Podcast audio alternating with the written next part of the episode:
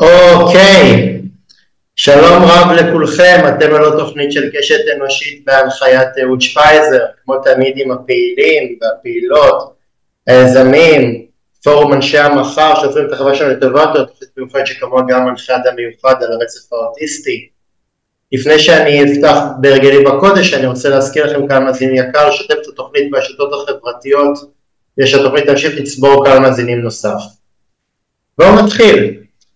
תקופות אה, מלחמה ידועות אה, כתקופות שמכניסות רבים מאיתנו למעגלי חרדה, אובדן וייאוש. כשתקופות המלחמה אה, נרגעות ועשן המלחמה שוקע, מלא אזרחים נשארים עם עצמם בדלת אמות, עם טראומות, דיכאונות וחרדות שמלוות אותם עוד שנים קדימה. בין אם אנחנו קורבנות של השביעי באוקטובר, או סתם אזרחים מן השורה שלא תזדהות עם המצב שקעו בדיכאון, על דבר אחד אין ויכוח, המדינה של אחרי המלחמה תהיה מדינה בפוסט טראומה שממנה קשה, אה, קשה לשער איך נצא.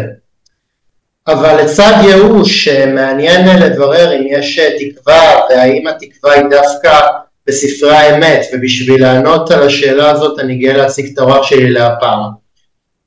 הוא כתב את עבודת הדוקטורט שלו בחוג לתקשורת באוניברסיטת תל אביב, הוא לימד באוניברסיטת תל אביב בבית הספר לתקשורת במכללת ספיר ושימש כעיתונאי, עוזר פרלמנטרי, יועץ תקשורת ויועץ מקצועי אה, בכיר במשרד השיכון והבינוי אה, ומשרד התעשייה והמסחר.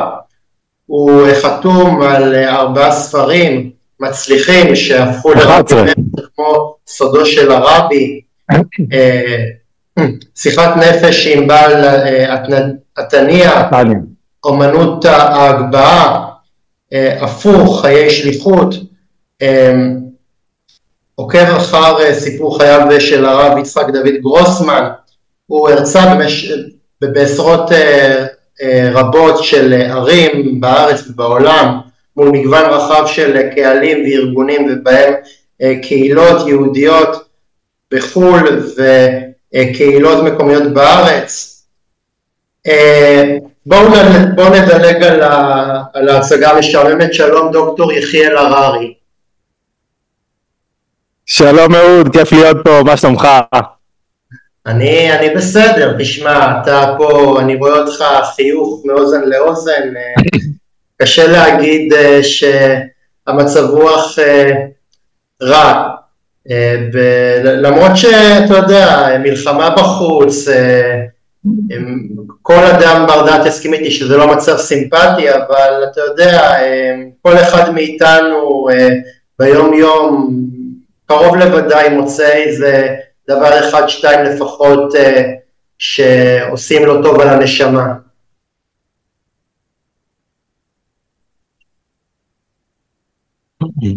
אני, אני רוצה להשיג על מה שאמרת, על הפתיחה הנהדרת שלך, תודה על הדברים, אני רוצה רגע להעלות דברים, אתה יודע, כשאומרים אה, מצב רגשי לא טוב, על מה מדברים? מדברים על דיכאונות, על חרדות, על פחדים, על חששות, על כל מיני דברים כאלה, ואם אתה פותח קצת מחקרים ונתונים, אתה מגלה שלפני השביעי לעשירי, המגפה המספר אחת בעולם המערבי בארצות הברית, גם בישראל, אימא, היא חרדות, ודיכאון, לא היה שביעי לעשירי. זאת אומרת שלאירועים גדולים לפעמים יש השפעה הפוכה עלינו. אחרי מלחמות לפעמים אנשים יוצאים אנחנו רוצים לחיות, אנחנו מבינים את, ה, את, ה, את ההתמודדות ורוצים יותר חיים, זאת אומרת שאני לא בטוח במאה אחוז, ודאי שיש טראומות, ודאי שיש קשיים, בייחוד למי שאתה יודע יצא מעזה או מי שהיה בעוטף עזה או מי שעבר משהו, אבל לרוב הציבור אני חושב שהרבה פעמים אחרי מלחמה נוצר כוח חיים מחודש. שדוחף קדימה.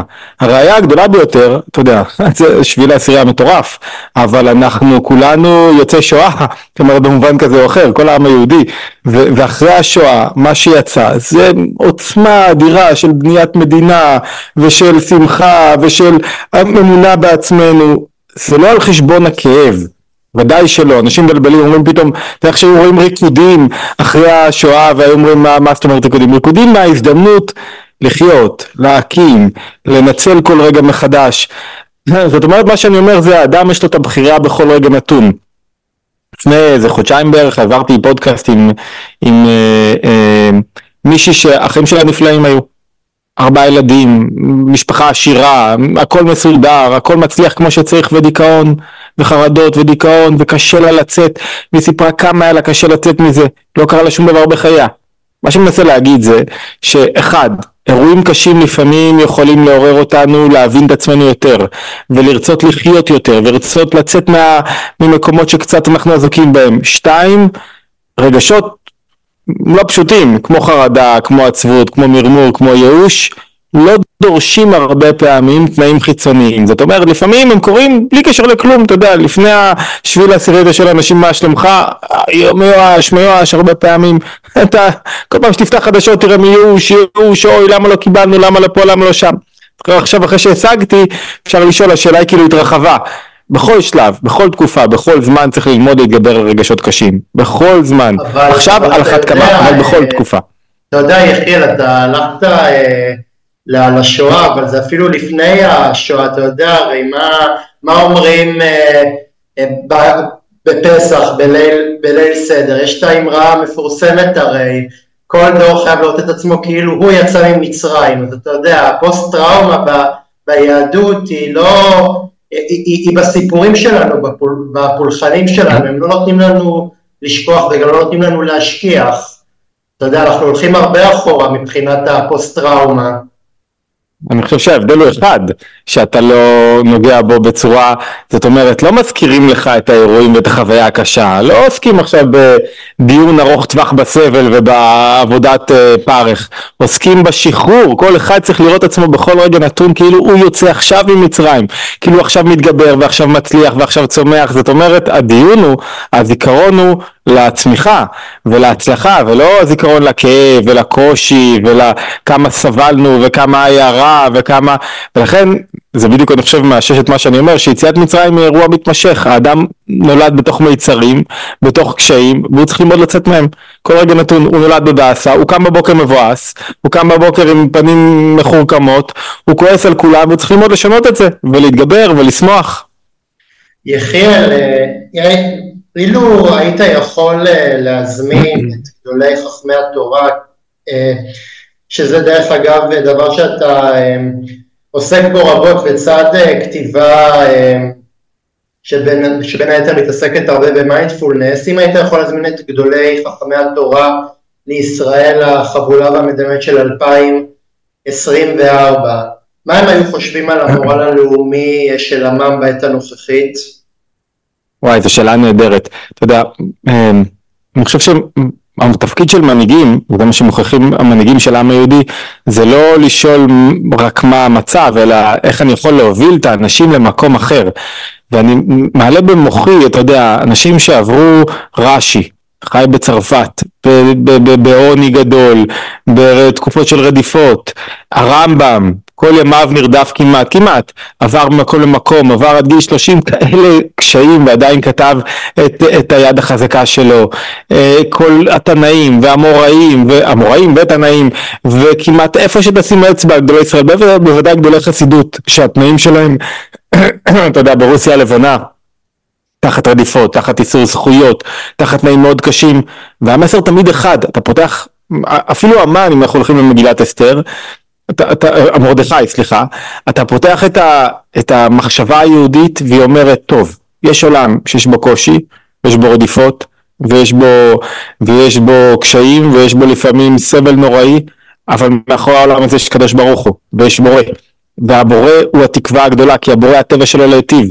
זאת אומרת, מאחורי, מאחורי המציאות הקשה יש רצון להיטיב, לשפר. איך? אני לא בטוח שאני יודע, ו- ולא בטוח שאני רואה את זה, לפעמים אני בעצמי סובל, אבל זה לא, זה כמו יותר כמו שולחן ניתוחים, שאתה אמור לצאת ממנו בריא, ולא מקום שבו רוצים להעניש אותך. ואז אם אתה מביא את גדולי ישראל, ו- והם רואים את המורל הלאומי, כמו שאתה אומר, לפי השאלה שלך, אז הדבר הראשון שהם אומרים, צריך ללמוד, להיחלץ מזה, צריך ללמוד לשמוח, צריך ללמוד עכשיו לחזק את עצמנו באמונה וביטחון. אתה יודע, כשנלך יותר אחורה, כשרבי עקיבא רואה את חורבן בית שני, תחשוב בחורבן בית שני, לפי סברות שונות נהרגו מיליון וחצי, מיליון, מאות אלפים, לא יודע, היה שם טבח גדול והרג גדול ו, ורבי עקיבא רואה, צועד עם כמה חכמים ורואה שועלים יוצאים מקודש הקודשים, מאיפה שהיה, אתה יודע, המקום הכי קדוש לעם היהודי, ומה הוא עושה? הוא צוחק.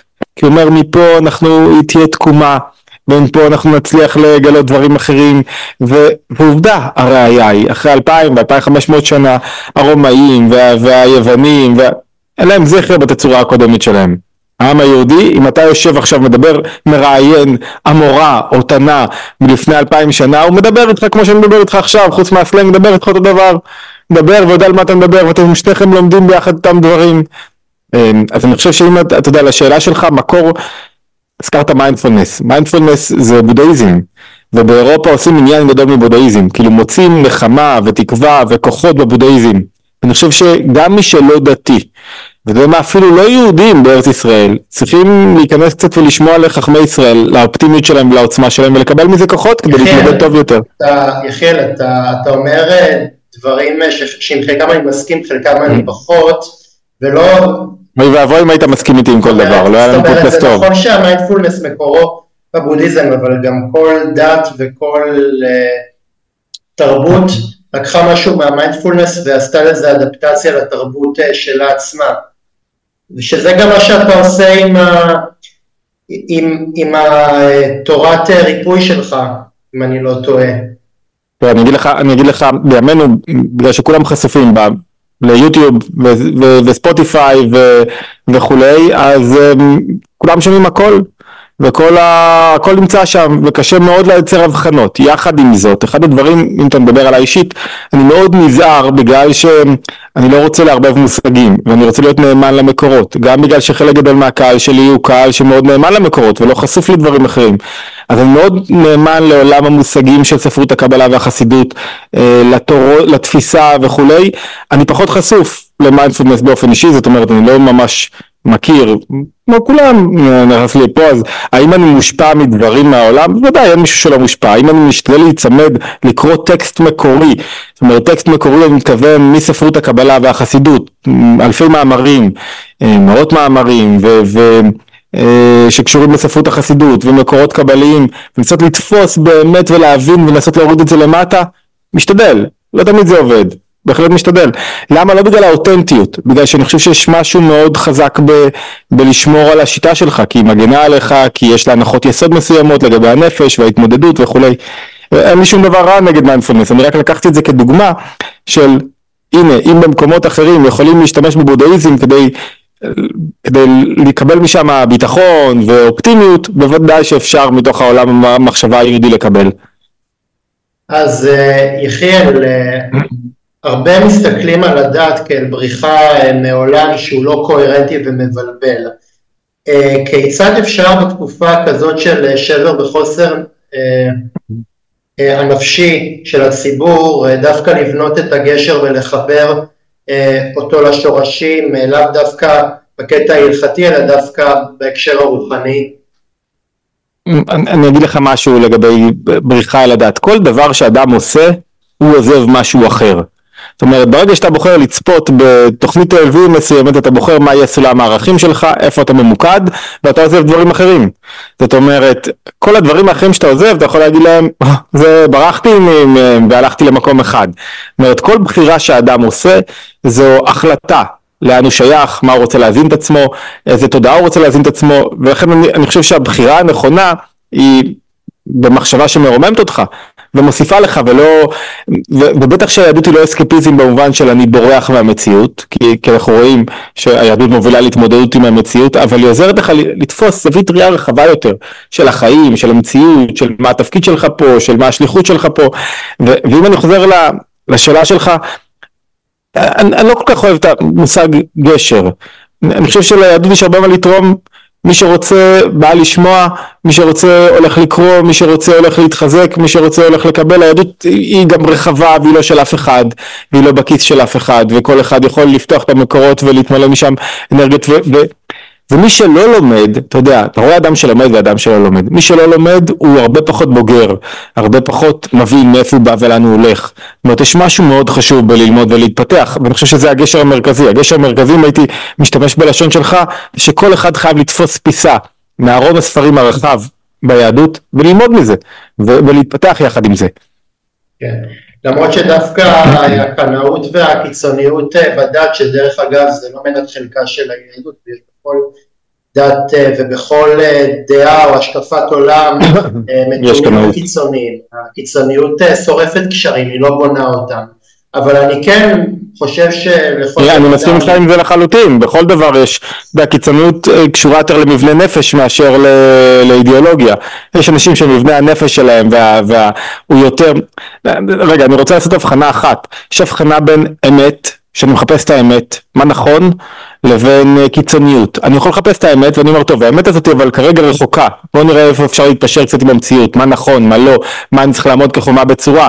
אתה יודע אתה יכול להגיד על כל דבר אדם שדבק באשתו ומחליט שהוא חי 30-40 שנה נשוי לאותה בת זוג.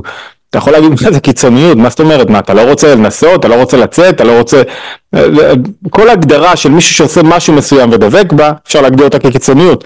קיצוניות מוטה לפי הערכים החברתיים הדעות החברתיות המשימה המרכזית אני חושב תבחן בשכל שלך את הלוגיקה של הדברים. אל, אל, אל תלך שבי אחרי, אחרי מה שאומרים לך תבחן תחשוב ת, בשביל זה נתנו לאדם את השכל שלו להבין להתבונן להחליט. אתה יודע אם אני מדבר איתך בכנות ואתה נותן לי את הבמה אני חזרתי בתשובה בגיל מאוד מאוחר. בגיל 32-3 בתור כשסיימתי דוקטורט באוניברסיטת תל אביב והייתי מקודם הסברת כמה דברים והכרתי והייתי ב, ב, גם מבחינה פוליטית וגם מבחינת עשייה בעולם הכי שמאל. זה לא שאני עכשיו בעולם זאת אומרת זה כי שאלתי שאלות. לא כי לא שאלתי שאלות. לא בא לאיזה גורו ואמר לי תשמע תבוא אליי תקבל הבטחות. כאילו זה מה שעולה קצת מהשאלה שלך. שואל שאלות לאן אתה רוצה להיות מחובר איזה ערכים אתה רוצה בבית שלך, איך אתה רוצה שיראו החיים שלך, מה נוגע לך בנפש, והשאלות מובילות לתשובות, אתה יכול לקבל, אתה יכול לא, אתה יכול ללכת איתם עד הסוף, אתה יכול לא, אבל תהיה קצת אמיתי עם עצמך, קצת אמיתי זה קצת קיצוני, קצת הולך לכיוון. אני יחד עם זאת אני מסכים שיש קבוצות קיצוניות שלוקחות אותנו למקומות לא רצויים, לא בטוח שזה אלה שמשרטטים בתקשורת, אבל יש כאלה. כן. אני, אתה, אתה רק מדליק לי מדי פעם הערת אגב, אז אני חייב לענות לך, זה כזה מתוק, אבל אני חייב uh, להתייחס. הכל, הכל בסדר. אה, אנחנו, אני חושב שבאופן אה, כללי, אה, בתקופה שמאפיינת את המצב שבו אנחנו נמצאים, אתה יודע, הכל נורא נורא נורא נורא קיצוני, אתה יודע, אם התקשורת מדברת על מלחמה, אז נדמה לך שאתה חווה את המלחמה אצלך בסלון. אם, אם אתה רואה איזשהו פיגועי נקם, או מה שנקרא אה, תג, תג מחיר שאחינו היהודים עושים אה, לבני דודינו, אז זה צובע לך את כל אה, עולם המושגים. דווקא בנקודה הזאת, בשביל קצת להחזיר אותנו לפרופורציות, הרי סך הכל החיים שלנו הם לא רק מלחמה כמו שהם גם לא רק שלום, איך באמת מקימים מה, מהמקום המאוד מאוד מאוד נמוך הזה גם אה, מחשבה אה, אה, של, של הוקרת הטוב. זו שאלה נהדרת, ש, שקצת הרישה שבה עונה על הסיפה שבה, זאת אומרת, כשאתה מכבה את התקשורת, mm. החיים שלך פתאום נהיים יותר טובים. אתה יודע, אני מסתובב בעולם, בכל מיני כובעים, ובארץ, ולא נתקלתי אף פעם ב... אף פעם לא נתקלתי בגילויי, אמ, אמ, בטח לא שנאה, אבל בטח לא, לא יודע, אם היה מישהו, אפילו לא שמתי לב לזה, אני יודע שעשה פרצוף בגלל שיש לך זקן, או... לא נתקלתי, לא יודע, כשאתה הולך, בר... אתה, אולי אתה גם מסתובב קצת בארץ, ואתה רואה שמה שאתה נתקל בעיקר זה אחווה, ושמחה, ואמונה, ועוצמות, ועוצמה של החברה הישראלית ושל העם היהודי התגלה בצורה אדירה במלחמה הזאת.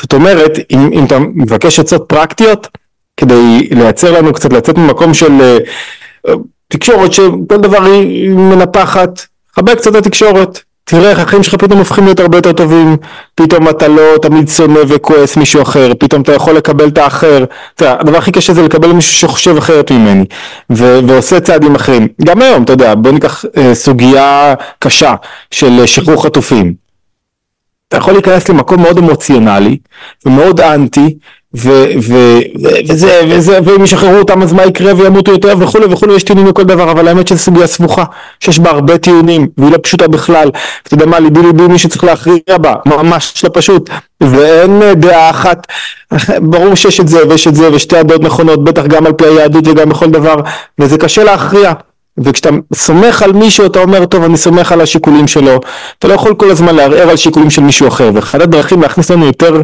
אתה יודע, לא סתם אומרים אחדות, מה זה אחדות? אני הייתי מכריע אחרת כאן ממך, הייתי בוחר אחרת, אבל עכשיו אתה, אני אתן לך את הקרדיט, בוא נלך איתך. יותר חשוב להוריד ראש, לקבל, להיות חלק מהם מאשר שהדעה שלי תתקבל. שאלתי שחקן כדורגל ואמר לי, אני לא מסכים עם המאמן שלי, אני צריך ל...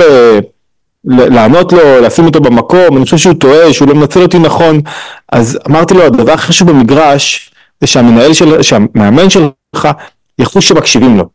כאילו גם אם הוא טועה, אתם תצליחו הרבה יותר כקבוצה אחת, כאגרוף אחד, מאשר אם אתה תעשה מה שאתה רוצה ותחשוב שהוא לא מספיק טוב, ואז uh, יתפורר כל העסק. אני חושב שבאמת, סליחה. לא, לא, דבר. אז אני חושב שבאמת לכבות קצת תקשורת, לחפש איפה אני מנסה להבין מישהו אחר. אני נותן לו קרדיט, אתה יודע, יש משהו מאוד יפה בשמאל, מחפשים לעשות יותר טוב. הרי מה, מה המוטיבציה? לעשות יותר טוב, לא, לא, לא לפגוע באף אחד, שוויון, לראות את האיכות בכל אדם. מה המוטיבציה בימין? היא אומרת ממש לעשות יותר טוב, כי היא אומרת בלי שאתה מחובר לזהות שלך, לשורשים שלך, בלי שאתה מבין את האויב שלך, אתה לא יכול לנצח. וכשאתה יכול לראות את הצדדים השונים, אתה לא מאבד את העמוד שדרה שלך, את מי שאתה, אבל אתה רואה את הצד האחר, אתה פחות מאוים. זה כמו, אתה יודע מה, עם עצמי יש לי מריבות עשרים פעם ביום. אם אני מסוגל לקבל את עצמי קצת ולהבין את עצמי קצת, אז יותר קל לי לשאת את האי הסכמות הפנימיות הללו, ובטח עם אשתי. ויחיאל, מצבי קיצון אה, ומשבר מאופיינים בייאוש ובחוסר ודאות. כיצד לדעתך, לצד התסכולים המובנים, אפשר בכל זאת לתת אה, מרפא לנפש ולהגביר את החשיבה החיובית אצל האנשים דווקא עכשיו בשיא תקופת הייאוש? צריך לזכור שלייאוש יש אג'נדה. ייאוש יש לו תפקיד, מה? למנוע ממך את הפעולה. ייאוש אתה, אוי כלום לא שווה, ואתה כבר לא יוזם, ואתה כבר לא מניע קדימה, צריך לזכור מה זה ייאוש. ייאוש הוא אף פעם לא אופציה, כאילו אף פעם לא אופציה. למה? כי הוא תמיד לוקח אותך במקום, עכשיו בנפש שלך, כל פעם שאתה מיואש ולא מאמין בעצמך, אתה לא תעשה. בקלות אפשר להגיד לך, תשמע, בשביל מה עוד פודקאסט, יש מלא פודקאסטים, מי כבר יקשיב? תמיד יש טיעונים שיחלישו אותך וייאשו אותך. בדברים גדולים ובדברים קטנים. המשימה שלנו לזכור, הרי איך אתה מתמודד עם ייאוש? אתה מאמין בעצמך. אתה מאמין שיש לך פה תפקיד ואתה לא פה סתם ויש לך שליחות ומחכים לך וכל מה שאתה אומר הוא חשוב וזה לא נמדד בכמה מקשיבים לך או בכמה הרווחת יכול להיות שהמדד הוא אחר אתה לא יודע אף פעם והתפקיד כדי להתמודד עם ייאוש זה לגרום לעצמנו להאמין בעצמנו כקולקטיב כחברה שאנחנו נשרוד פה ונצליח פה ונשמח ונשגשג להאמין בעצמי יחיד הרי אם אתה לא תאמין בעצמך כיחיד, גם לא תאמין כקולקטיב. גם אם לא יקשיבו לי ושיש לי ערך ואני חשוב. גם אם לא יקשיבו לי ולך לפודקאסטים שאני ואתה מקליטים, זה, מה שקובע, זה מה שיקבע. לא, לא נראה לי, אני מאוד מאוד מאוד בספק. המבחן המרכזי הוא, אז רגע, אז אני, אז אני, אני אה, אתקוטט איתך על זה קצת רגע. המבחן המרכזי הוא לא כמה מקשיבים לך. האם אתה מגלה את הכוחות שלך? אם אתה עושה את מה שאתה צריך לעשות. אתה יודע, הארי, שמעת בטח על הארי, הארי הקדוש, הוא, הוא חולל שינוי, מהפכה במחשבה היהודית. שינוי בתפיסה הקבלית. 1570, הארי יושב בצפת, יש לו סביבו סך הכל, אני יודע, מניין של אנשים בקושי, שמקשיבים לו. כל היהדות כמעט השתנתה לדעתי, התפיסות שלו השפיעו על הציונות ועל החברה המודרנית ועל כל כך הרבה, אני יכול להראות מקורות וכולי, זה, זה לא השיח שלנו עכשיו כרגע, אבל אם היה אומר לעצמו, על מי אני כבר משפיע? מה, רק ארבעה חמישה אנשים באו לשמוע לי היום שיעור שלי היום? ארבעה חמישה אנשים באו לשמוע שיעור שלו היום. כל מה שאני מדבר זה בא מהארי. כל מה שגדולי ישראל בדורות האחרונות יוצא מתוך הארי. כאילו עוצמה אדירה, שינה פרספקטיבה, החדיר כל כך הרבה רעיונות לתוך המחשבה היהודית. שבירה, תיקון, מלא עניינים, אם הוא אומר לעצמו את זה, לא היה לנו את תורת הארי. זאת אומרת, אתה לא יכול לדעת איך דברים פתאום מתגלגלים, אתה לא יכול לדעת אולי אדם אחד שמע לך והאדם הזה פתאום היה צריך ממך לקבל את הכוחות, דווקא הוא, כל העולם חיכה לו, הרמב"ם אומר, והרבי מלובביץ' חוזר על זה שוב ושוב, שהעולם שקול והאדם שקול, שקול זה כאילו, הכל מחכה, ואם אתה עושה צעד אחד, פעולה אחת יכולה להשפיע על העולם כולו ולשנות אותו. עכשיו אם אתה חושב ככה, אתה לא סופר לייקים ומאזינים. כי אתה יודע איך אומרים בפודקאסטים, אתה לא יודע מתי ברגע הבא זה יתפוצץ. אתה לא יודע מתי הרגע הבא שזה, אתה לא יודע אולי עוד אחד, עוד אחד, אולי לא, אולי כן, אבל אם תשיג בטוח שלא. ואם תמיש בטוח שלא תצליח. ואם לא תאמין בעצמך בטוח שזה לא יזוז. זה, זה הנקודת מפתח. אה, אז יחיאל, עבור מלא אנשים הביטחון אה, נסדק. לא רק הביטחון הלאומי, אלא גם הביטחון אה, האישי נסדק בתקופה האחרונה. כמו, ב, כמו בפודקאסט, שדרך אגב אני מאוד מאוד מאוד מעריך את זה שאתה עושה פודקאסטים ובקטע הזה אני ואתה יש לנו הרבה מן המשותף.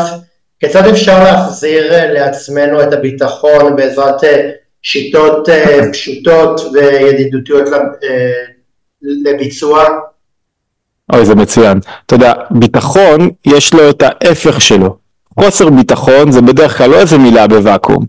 זה צריך להתמודד עם חרדה ועם אה, דיכאון ועם ייאוש ולכן הדרך להתמודד עם ביטחון זה אחת. לסלק מחשבות לא רצויות לגבי מה שעתיד לקרות. לעבוד על המחשבה שלך. אם אתה חושב רגע שמה הולך להיות והכל הולך להיות רע, לא יהיה לך ביטחון בחיים. ביטחון קשור באופטימיות, וביטחון קשור באמונה. אז אחד, לשמור על המחשבות שלי. אני לא מרשה לעצמי לחשוב שדברים רעים יקרו עוד רגע. כל רגע אם אני אחשוב מה יקרה בעוד רגע, ילך לי הביטחון. ואני מניח עכשיו עכשיו וואי אני מפספס ומה עשיתי ולא בסדר או מה עשיתי לא טוב בעבר ילך לי הביטחון. ביטחון זה אומר להיות מונח בכאן ועכשיו ולדעת שאני מונח במקום שבו אני צריך והדברים שצריכים לקרות קורים, ואני קורא, ואני מוכן למה שצריך לקרות. ביטחון, ביטחון לא יכול לבוא על רקע של כל הזמן חשש מה יהיה. וכדי לשמור על המחשבה אתה צריך קצת, זה, זה דבר קשה, אתה אולי, אני מקווה שתסכים איתי או שתבין את זה, אתה צריך קצת לשחרר רצונות. זאת אומרת, אם אני מאוד מאוד מאוד רוצה שאני אעשה מיליון שקל מחר, וזה לא יקרה, ואני כל הזמן אהיה לחוץ על זה, אז אני אהיה בסטרס מאוד גדול. אני משחרר קצת רצון, זה פחות חשוב לי, אני רוצה מיליון שקל, אבל זה לא הכי דבר חשוב, אז זה לא כל כך... אז, אז אני לא מבוהל מה יקרה בעוד רגע, אני אלך לך למקום יותר כואב. רגע, רגע, עוד משפט. אם אני לא כל כך מפחד למות, אז גם אין לי חוסר ביטחון. כאילו נמות נעבור הלאה לעולם אחר, אני לא כל כך מתרגש מזה, מה, מה שרוצים ממני אני אעשה, זה חלק מתודעת ביטחון אומרת לשחרר קצת השליטה שלי בכל דבר. כאילו מישהו פריק של שליטה יכול בקלות לאבד ביטחון, כי כל הביטחון שלו תלוי בו. יש משפט אה, מאוד מאוד יפה שאומר מרבה נכסים, מרבה דאגות. אנחנו יוצרים אצלנו את הנכסים. אה, יפה. תרחיב קצת. מה?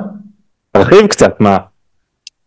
אה, לא, שמע, הנכסים זה, זה בן אדם שבאיזשהו מקום אה, פותח קופת אה, גמל למקרה שהולך הולך ועושה ביטוח בריאות למקרה שלמעשה חותם על הרבה מאוד טפסים למקרה ש... אבל אתה יודע, אני חושב ש... במנגנון, באבולוציה שלנו, אנחנו לא חושבים אה, לטווח כל כך ארוך, אתה יודע, אנחנו חיים מהיום, מהיום למחר, ובאיזשהו מקום כשאנחנו מבינים שסך הכל אנחנו אה, גרגירי אבק בתוך עולם שהוא כל כך גדול מאיתנו, אז זה אולי קצת אה, משכיח אצלנו את, את החרדה. תראה, צריך להפריד בין פעולות לבין החרדה, שזה רגש. זה שאני פותח אה, קרן אה, פנסיה זה כי אני מתכנן, לא, אני לא מפוחד, אני מתכנן מה יהיה בגיל 65, 67, 70, ואני מתכנן. זאת אומרת, אנחנו מדברים על חרדה. חרדה לא בהכרח מובילה אותך לביצועים הנכונים, או שבהכרח מובילה אותך לביצועים הלא נכונים, ו- ו- וצריך להפריד, הרבה פעמים אני נותן לחרדה להתקיים כי אני אומר שהיא חלק מתוכנית עתידית מההכשרה שלי לעתיד. לא, חרדה לא תועיל לך. אתה מפחד מה בעתיד? צור קרן פנסיה, תשקיע, תבנה, תייצר לך את התוכניות שאתה צריך.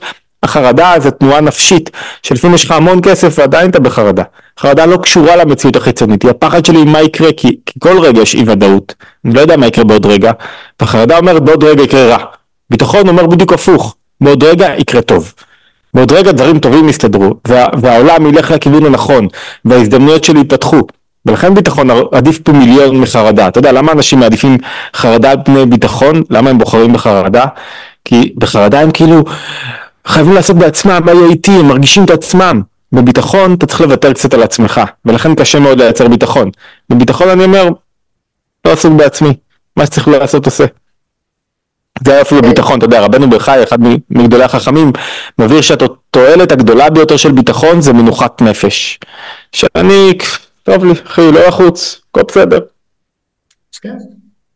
אה, ההיפוך של זה, זה זה חוסר ביטחון, וההיפוך של זה הוא הרבה יותר אה, קשה, ואני חושב שזה גם, גם בשביל לקנות ביטחון, אנשים באיזשהו מקום צריכים להיות במין עמדה שהם בחוסר ביטחון לדעתי. מעניין. אה, יחיאל, כאמור פיתחת שיטה יחד עם בת זוגתך שנקראת התבוננות על פי תורת הנפש היהודית. אה, מהו העיקרון מאחורי השיטה ומה הקשר שלו לעולם המושגים החדשני של הטיפול בהתמודדות עם, עם מצבי משבר? אה, שאלה נהדרת, אני, אני אשמח לענות על החלק הראשון שלה, על החלק השני, כמו שאמרתי קודם, אני, אני נזהר מהשוואה לפסיכולוגיה המודרנית, כי, כי גם בטבע שלי אני לא מטפל, במובן, בטח לא במובן הקליני, זאת אומרת, אנחנו אני לא חושב שיש הפרדה גדולה בין מובן קליני לבין אדם שמתמודד עם קצת עצבות. כאילו יש הידרדרות, מי שקצת עצבות יכול לדרדר את עצמו לעולם קליני. אבל המטרה היא, כמו בכל רפואה, שיהיה רפואה מונעת, לעצור את עצמך קודם. וזה מגרש המשחקים שבו אני משחק. שכאילו שאדם לא ידרדר את העולם הרגשי שלו, ידע לשלוט בעולם הרגשי שלו, ידע לעורר את עצמו. מה זה התבוננות אם אני חוזר לשאלה? אחד הדברים המרכזיים זה, זה להבין בשכל את מה נכון. מה אמיתי, מה טוב לך, איך אתה צריך לחיות. ההבנה הזאת בשכל היא חלק הראשון בהתבוננות. החלק השני שאתה מבין איך אתה רוצה להיות. זאת אומרת, אני רוצה להיות עכשיו אבא טוב יותר. מה זה אומר? מה זה אומר? בוא תפרוט לי את זה, מה זה אבא טוב יותר? קונה מתנות, לא צועק על הילדים, מרומם אותם, מאמין בהם, איך זה בא לידי ביטוי בפועל? איך אתה רואה את הילדים שלך, איך אתה מתייחס אליהם? בוא... זה שאלה מורכבת, א' כל אני לא אבא, וב' כל אני חושב שכל אחד, אני חושב שכל, שהמושגים האלה, אבא טוב, אבא רע, לדעתי זה, זה מינונים, אתה יודע, יש אה, משפט שאומר חוסך שבטו שונא, שונא בנו. אם אתה יותר מדי, אה, אה, אם אתה יותר מדי משתמש בשוט הזה, אז אתה גורם טראומה ל, לילד, ואתה מגדל ילד עם הרבה מאוד חסכים. עזוב ש... יש אוכל על השולחן, אתה מגדל אותו לחסכים של חוסר אהבה וחוסר אה, אה, בחיבה וחוסר העצמה, ואז הוא אה, נדפק לכל החיים. לעומת זאת, אם אתה יותר מדי קונה לו, ויותר מדי משקיע בו, ואתה לא אה, גורם לו להתמודד עם, עם קושי, ואתה אה, כל הזמן מונע ממנו נפילות, אז אתה, וואלה, אתה, אתה גם לא, לא אבא טוב, זאת אומרת, בשני המקרי הקיצון אתה... אני מסכים איתך לחלוטין, לכן אני אומר ש... אני מסכים לחלוטין, אני אומר שהתבוננות זה להחליט אז מה נכון, מה, מהו המינון, מה המידה, מה זה גבולות, מה זה חסד, זאת אומרת השלב הראשון בהתבוננות זה להחליט איך זה צריך להיראות, אתה יודע, לא אמרתי באופן מסוים טוב שרק נותן, ודאי שלא, אבל קודם כל, אתה יודע, לא תגיע לזוגיות טובה אם לא תדע איך נראית זוגיות טובה, לא תגיע להורות טובה אם לא תגיע, לא תדע איך נראית הורות טובה, לא תדע איך להתגבר על רגשות לא רצויים אם לא יהיה לך שרטוט תמונה של איך זה צריך להיראות. זה שלב אחד בהתבוננות. זאת אומרת, שאלת מה זה השיטה, מבינים מה נכון. דרך השכל, שואלים, אתה יודע, מנסים להבין, ויש מלא, מלא מקורות ועצות, תובנות, כלים בספרות החסידות. השלב השני זה עכשיו הטמעה. הטמעה, התבוננות זה לא רק להבין בשכל, זה לחשוב על זה חזק. שואל רגע מה זה אומר לי, איך זה נוגע בי, להוריד את זה למטה לתוך החיים שלי ממש. והשלב השני הוא שלב שיש בו המון עצות וטכניקות, שהמטרה שלו היא להטמיע את זה, שזה ייגע בי רגשית, שאני אשתנה באמצעות זה, שאני אבין את הדברים היטב. זה השלב השני, זאת אומרת שהתבוננות מורכבת משני שלבים, הבנה שכלית והטמעה. ולפעמים מצבי דיכאון מתאפיינים בהסתגרות ובמיעוט הקשרים החברתיים. אה, באמת באמת רציתי לשאול אותך, כי הרי אתה יודע, הרבה פעמים במצבי דיכאון אנחנו לא רוצים, לא, לא רוצים שמישהו ייגע בהם. עוד לא לפעמים, תמיד, אני לא מכיר דיכאון שבו אתה לא רוצה להסתגר ולהישאר עם עצמך. יכול להיות, יכול להיות, תשמע, לפעמים אה, יש דבר והיפוכו, לפעמים אנחנו, אה, לפעמים אנחנו, אנחנו מנסים להראות כאילו אנחנו לא מעוניינים בחברה, אבל אנחנו מעוניינים בחברה. כאילו אנחנו עושים אה, מה שנקרא דבר והיפוכו, אז באמת בתוך המקום הזה של ההסתגרות ובמיעוט הקשרים החברתיים, כיצד דווקא שיח ועבודה עם מעגל חברתי רחב יותר ניתן להתגבר עם הדיכאון וגם אה, למצוא דרכו מעגל חברים חדש.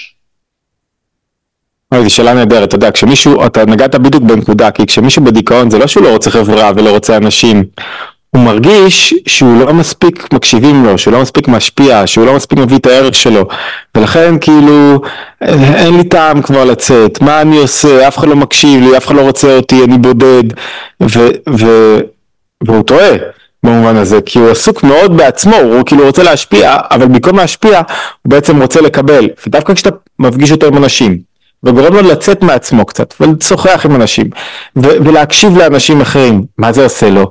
זה פתאום סודק אצלו משהו ואומר רגע רגע רגע זה לא הכל סביבי. רגע קודם כל אני יכול להיות בתנועה של מקבל ולשמוע וללמוד מאחרים. ודבר שני אני יכול להיות אנשים אולי כן מקשיבים לי ואנשים כן רואים אותי. זאת אומרת הדבר הכי קשה בדיכאון מהניסיון שלי זה לגרום למישהו לרצות לצאת מהדיכאון. שוב לגרום לו לרצות לצאת מהחדר הסגור ברגע שהוא התחיל קצת לרצות, כי הרגיש שהוא משמעותי, כי הרגיש שהוא עשה משהו חשוב, כי הרגיש שזה שחרר, כי לא משנה למה, כשהוא יצא, שם מתחיל הריפוי שלו. והריפוי שלו מתחיל בזה שהוא כבר לא חושב על איזה, הייתי צריך להיות שם באיזה מקום גבוה, איפה שאני זה טוב, מה שאני עושה זה, זה בעל משמעות ובעל ערך. כן.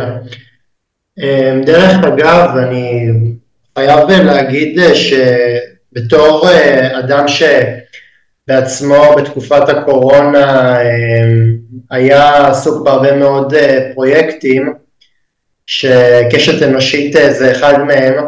אני חייב להגיד שהרבה אנשים דווקא אה, בתקופת הקורונה גם אם הם היו צריכים את החברה וגם אם הם היו צריכים את הביחד, הרי כל הפעולות האלה הופקעו מהם. עכשיו אנחנו במלחמה וקורה דבר הפוך, אנחנו נורא נורא נורא נורא ביחד, אנחנו נורא התלכדנו כחברה.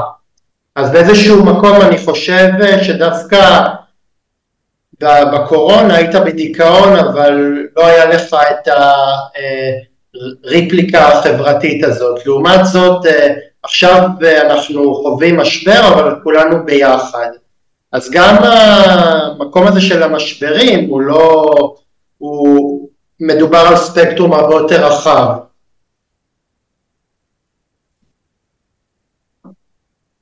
לגמרי, אתה יודע, כתוב דאגה בלב איש ישכנה, יסכנה, כאילו כשיש לך דאגה, אחד הפירושים זה תדבר עם חבר, כאילו תיצרו יחד פירוש משותף, פשר לדברים, ת, תוציא את זה ממך, לא, לא להתבכיין, אלא חלק מהשיתוף, עוזר להתמודדות. זה לא מדויק, כי גם בקורונה היה, היה זום, יכולת לדבר עם בן אדם דרך זום, אבל זה לא אותו, אותו דבר כמו באחד על אחד. הנה, אני רואה שנשארת עם זום, אני מאוד אוהב את זום, אני חושב שזה כלי מעולה, אחד הדברים הטובים שהביאה הקורונה זה את הזום, זום, או כל, כל האפליקציות האחרות, כי היא מאפשרת, אני חווה אותה כי הרבה פעמים אינטראקציה מאוד אמיתית ומאוד חזקה, אה, מאוד משמעותית, אפילו בפודקאסטים, אני חושב שהיא אפילו יותר טובה הרבה פעמים מפנים פנים, יש בה משהו חזק, אנשים נרתעים אבל יש בה משהו מאוד חזק. אני חייב לך סקופ, אבל אה, זה אני אשמור לסוף, לסוף התוכנית. יחיאל, איזה פרשנות העולם ההגותי של המקרא יכול להעניק לי בהתמודדות עם אה, מצבים של שיפוטיות עצמית, דיכאון וחרדה?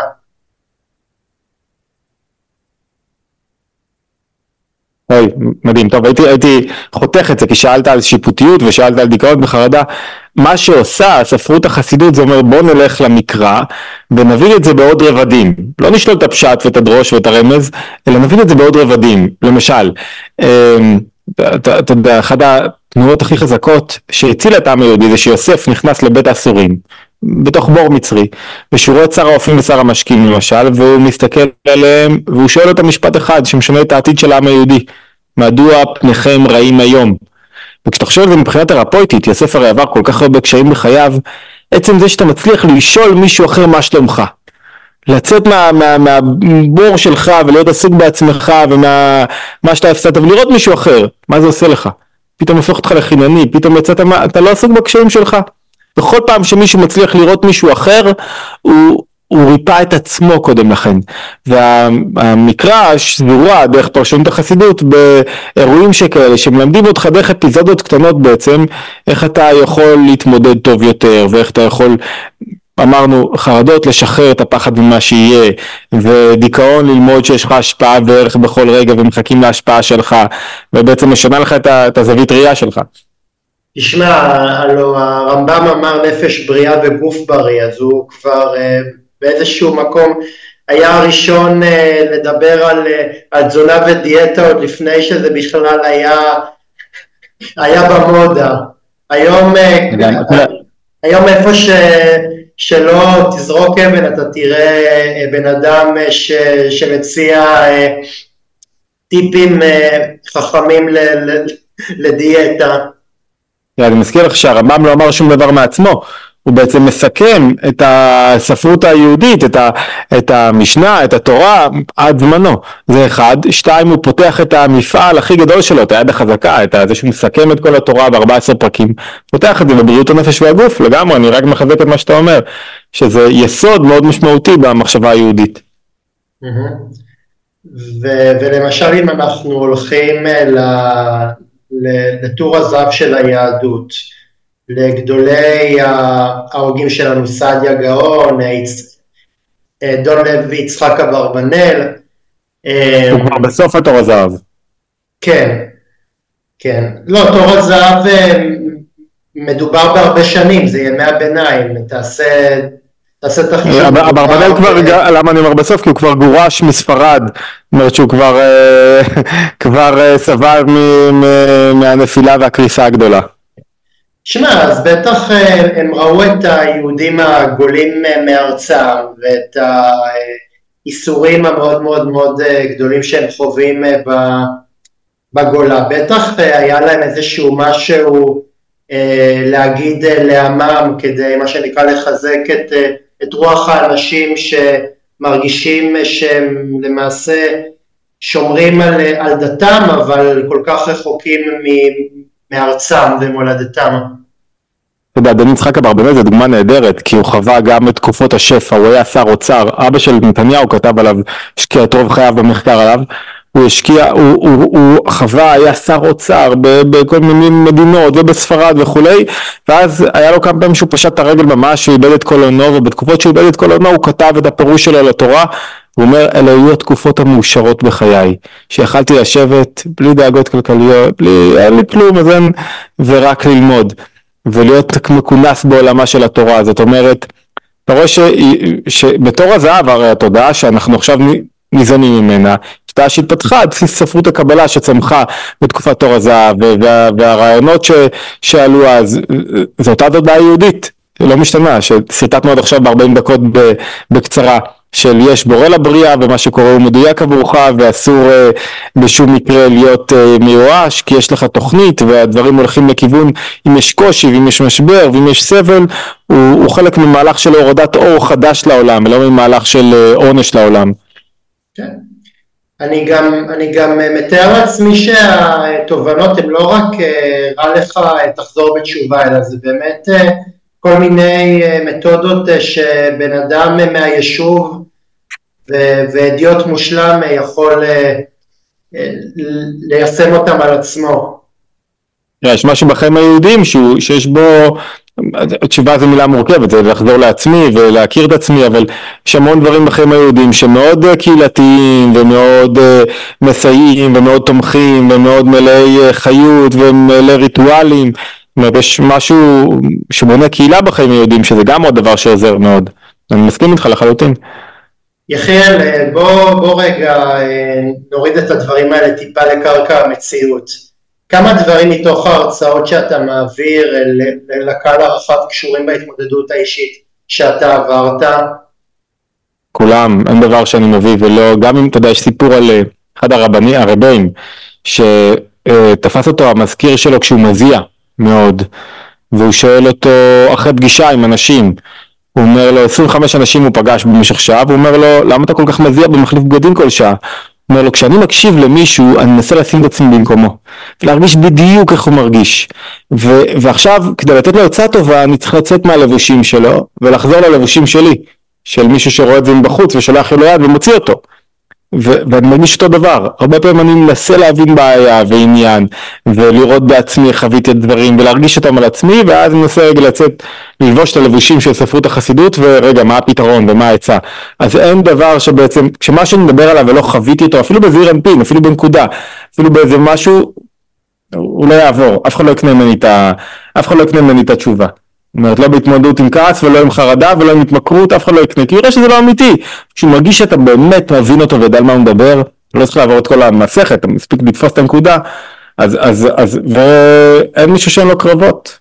אז מה שלא מגיע לי פחות מעניין אותי. אבל אתה יודע, אתה הרי היית יועץ פרלמנטרי, איש תקשורת, אתה יודע, גם, גם התקשורת וגם הפוליטיקה זה עולמות שיש בהם הרבה אינטריגות, מלא אגואים, וכולם שמה מתחשבנים עם כולם ושולפים את הסכינים הארוכות ו, ואתה יודע, זה, זה לא שאני מתיימר להיות פה על שפת הפסיכולוג, אבל אני שואל את עצמי אולי, אולי אולי אולי, באיזשהו מקום העולם הזה פשוט, באיזשהו מקום היה מאוס בעיניך והחלטת לחפש את איזושהי, להיות מואר, לחפש את ההערה אני לא יודע אם זה דווקא, א' בהחלט, לא יודע אם מואר זה הנקודה, אבל בהחלט חיפשתי להבין מה קורה לי בנפש, ולמה יש לי קרבות, ולמה הכל הולך לי טוב ואני לא שמח, ולמה יש לי כסף ועבודה וכבוד ומעמד ואני לא טוב לי, מספיק מבפנים, בהחלט שאלות שהעסיקו אותי, לא בצורה דומיננטית כמו התשובות, אבל בהחלט היו שם, אני אגיד לך גם משהו, אתה יודע למשל, אומרים על קיסינג'ר, שאלו אותו למה אתה, הרי הייתי יותר שנים באקדמיה קצת מאשר בפוליטיקה, או לפחות אותם זמן של שנים, שאלו את קיסינג'ר למה, אה, למה אתה עוזב את המשרה שלך כפרופסור למדע המדינה והולך להיות מזכיר המדינה, כאילו הוא עובר מהאקדמיה לפוליטיקה, אז הוא אמר כי נמאס לי מהפוליטיקה. כי יש יותר פוליטיקה באקדמיה ויותר ריקוד באגו באקדמיה, אז זה היה בצחוק, כאילו בחצי, אה, כן בהחלט, אדם לא נמשך אם זה לא נוגע אליו, ודאי, אני מסכים לחלוטין, זה, זה, זה, יחד עם זאת, אתה פתאום רואה שיש פה, אתה יודע, תשובות חיפשתי גם אקדמיה, גם לימוד, אדם לא לומד סתם, למה הוא לומד? כי זה מעניין אותו, כי, כי מה זה אומר לי, ואיך זה קשור לחיים שלי, ואיך זה, ואיך זה מפתח אותי אינטלקטואלית, בידורית, אה, נוגע אליי, אה, אז כל מה שקראתי גם בספרות החסידות, הקבלה, התקשורת נגע אליי, עד שהגעתי ל, ל, ל, לספרות היהודית, כמובן. מסכים עם תורך הפסיכולוגי. יחיאל, אה, אתה לא תאמין, אבל אנחנו לקראת סיום. היה כיף גדול. רגע, יש עוד שתי שאלות, חכה. איזה טיפ יישומי אתה יכול לתת שיגרום לנו להסתכל על התקופה הזאת עם כל הרע והסחיב והדרק שבא גם כתקופה שיש בה מרכיבי צמיחה והתפתחות? אתה יודע, שאלו את, אני אלך למקום הכי, הכי הפוך ממני, שאלו את יובל נוח הררי. מה, מה, מה, הוא, מה הוא חושב שה skill... אין, אין ביניכם קשר גם. אני, אתה יודע, אני סומך על הקדוש ברוך הוא, אתה רואה, אני אדם מאמין, אני חושב שבדבר אחד הוא טעה. את הרבי מכר, הוא, התכוון אליי עם הרבי מכר, לא יודע איך הוא הגיע אליו עם ה... סתם, זה בדיחה. אז שאלו אותו, איזה skill הוא חושב, כאילו, כישורים הכי חשובים בעידן הזה, בתקופה הזאת, אז הוא אמר, תשובה שאני הייתי אומר אותה, או שספרות החסידות הקבלה הייתה אומרת אותה, חוסן מנטלי, לכו תלמדו, ללמוד על הנפש, ללמוד על הקרבות, פסיכולוגיה יותר חשובה היום מטכנולוגיה, יותר חשובה היום מכל דבר, זאת אומרת אם יש לי טיפ, הטיפ הוא תלמד על עצמך, תכיר את הנפש שלך, תתבונן, תבין מה קורה לך בפנים, ומצוך זה תייצר חוזקה ועוצמה ו- וחוסן מנטלי ויכולת לשלוט ברגשות. ו- ולקראת, אה, ועכשיו אה, יחיה לסיום. מה נותן לך כוחות אה, להתחזק ולשמור על אה, מורל גבוה אה, בתוך המצב הלא פשוט שעם שלם נמצא בו? אני חושב שככל שאני עוסק בעצמי יש לי פחות אנרגיה. ככל שאני יותר שואל את עצמי מה האמת, מה השליחות שלי, מה התפקיד שלי פה, מה הבית שלי, אתה יודע מה, בדברים הקטנים. יעזור לי שהבת שלי יבוא אליה עם חרדות ופחד וחוסר ביטחון? לא, היא רוצה אבא שמח. נכון שהשביעי לעשירי, מבינה את זה. זה עדיין לא אומר שהיא לא רוצה בית שמח. מה זאת אומרת, היא צריכה להיות בבית לא שמח, יש לה כאב ויש לי צער וכל יום חושבים על החטופים. זאת אומרת, אתה שואל את עצמך מה נדרש ממך בכל סיטואציה, מה ההורים שלי צריכים ממני, מה הסביבה, מה הפודקאסט צריך ממני, אף אחד לא רוצה לקנות ממך, אתה יודע, לפ, לפניך דיברתי עם מישהי שהיא אה, מנהלת אה, שיווק גדולה. זאת אומרת, אין שיווק במכירות בעצבות. אתה חייב לשמור על אנרגיה גבוהה, וזה חלק מהשליחות שלי בעולם. אז, אז, אז ברגע שאתה שואל את עצמך מה צריך ממני ולא מה אני צריך לקבל, פתרת לעצמך את הבעיות. אבל זה קשה, כי אני רוצה לקבל. אני חושב שבאופן אה, כללי אה, הטוב אה, מתחיל כש... כשהכוונות הטובות נפגשים, כשהכוונות נפגשים עם רצונות טובים. אם אתה לא מתקשר באחד משתי הדרכים האלה, אז, אז אתה לא... אז אתה לא תצליח לשגרר את זה או להעביר את זה לעולם.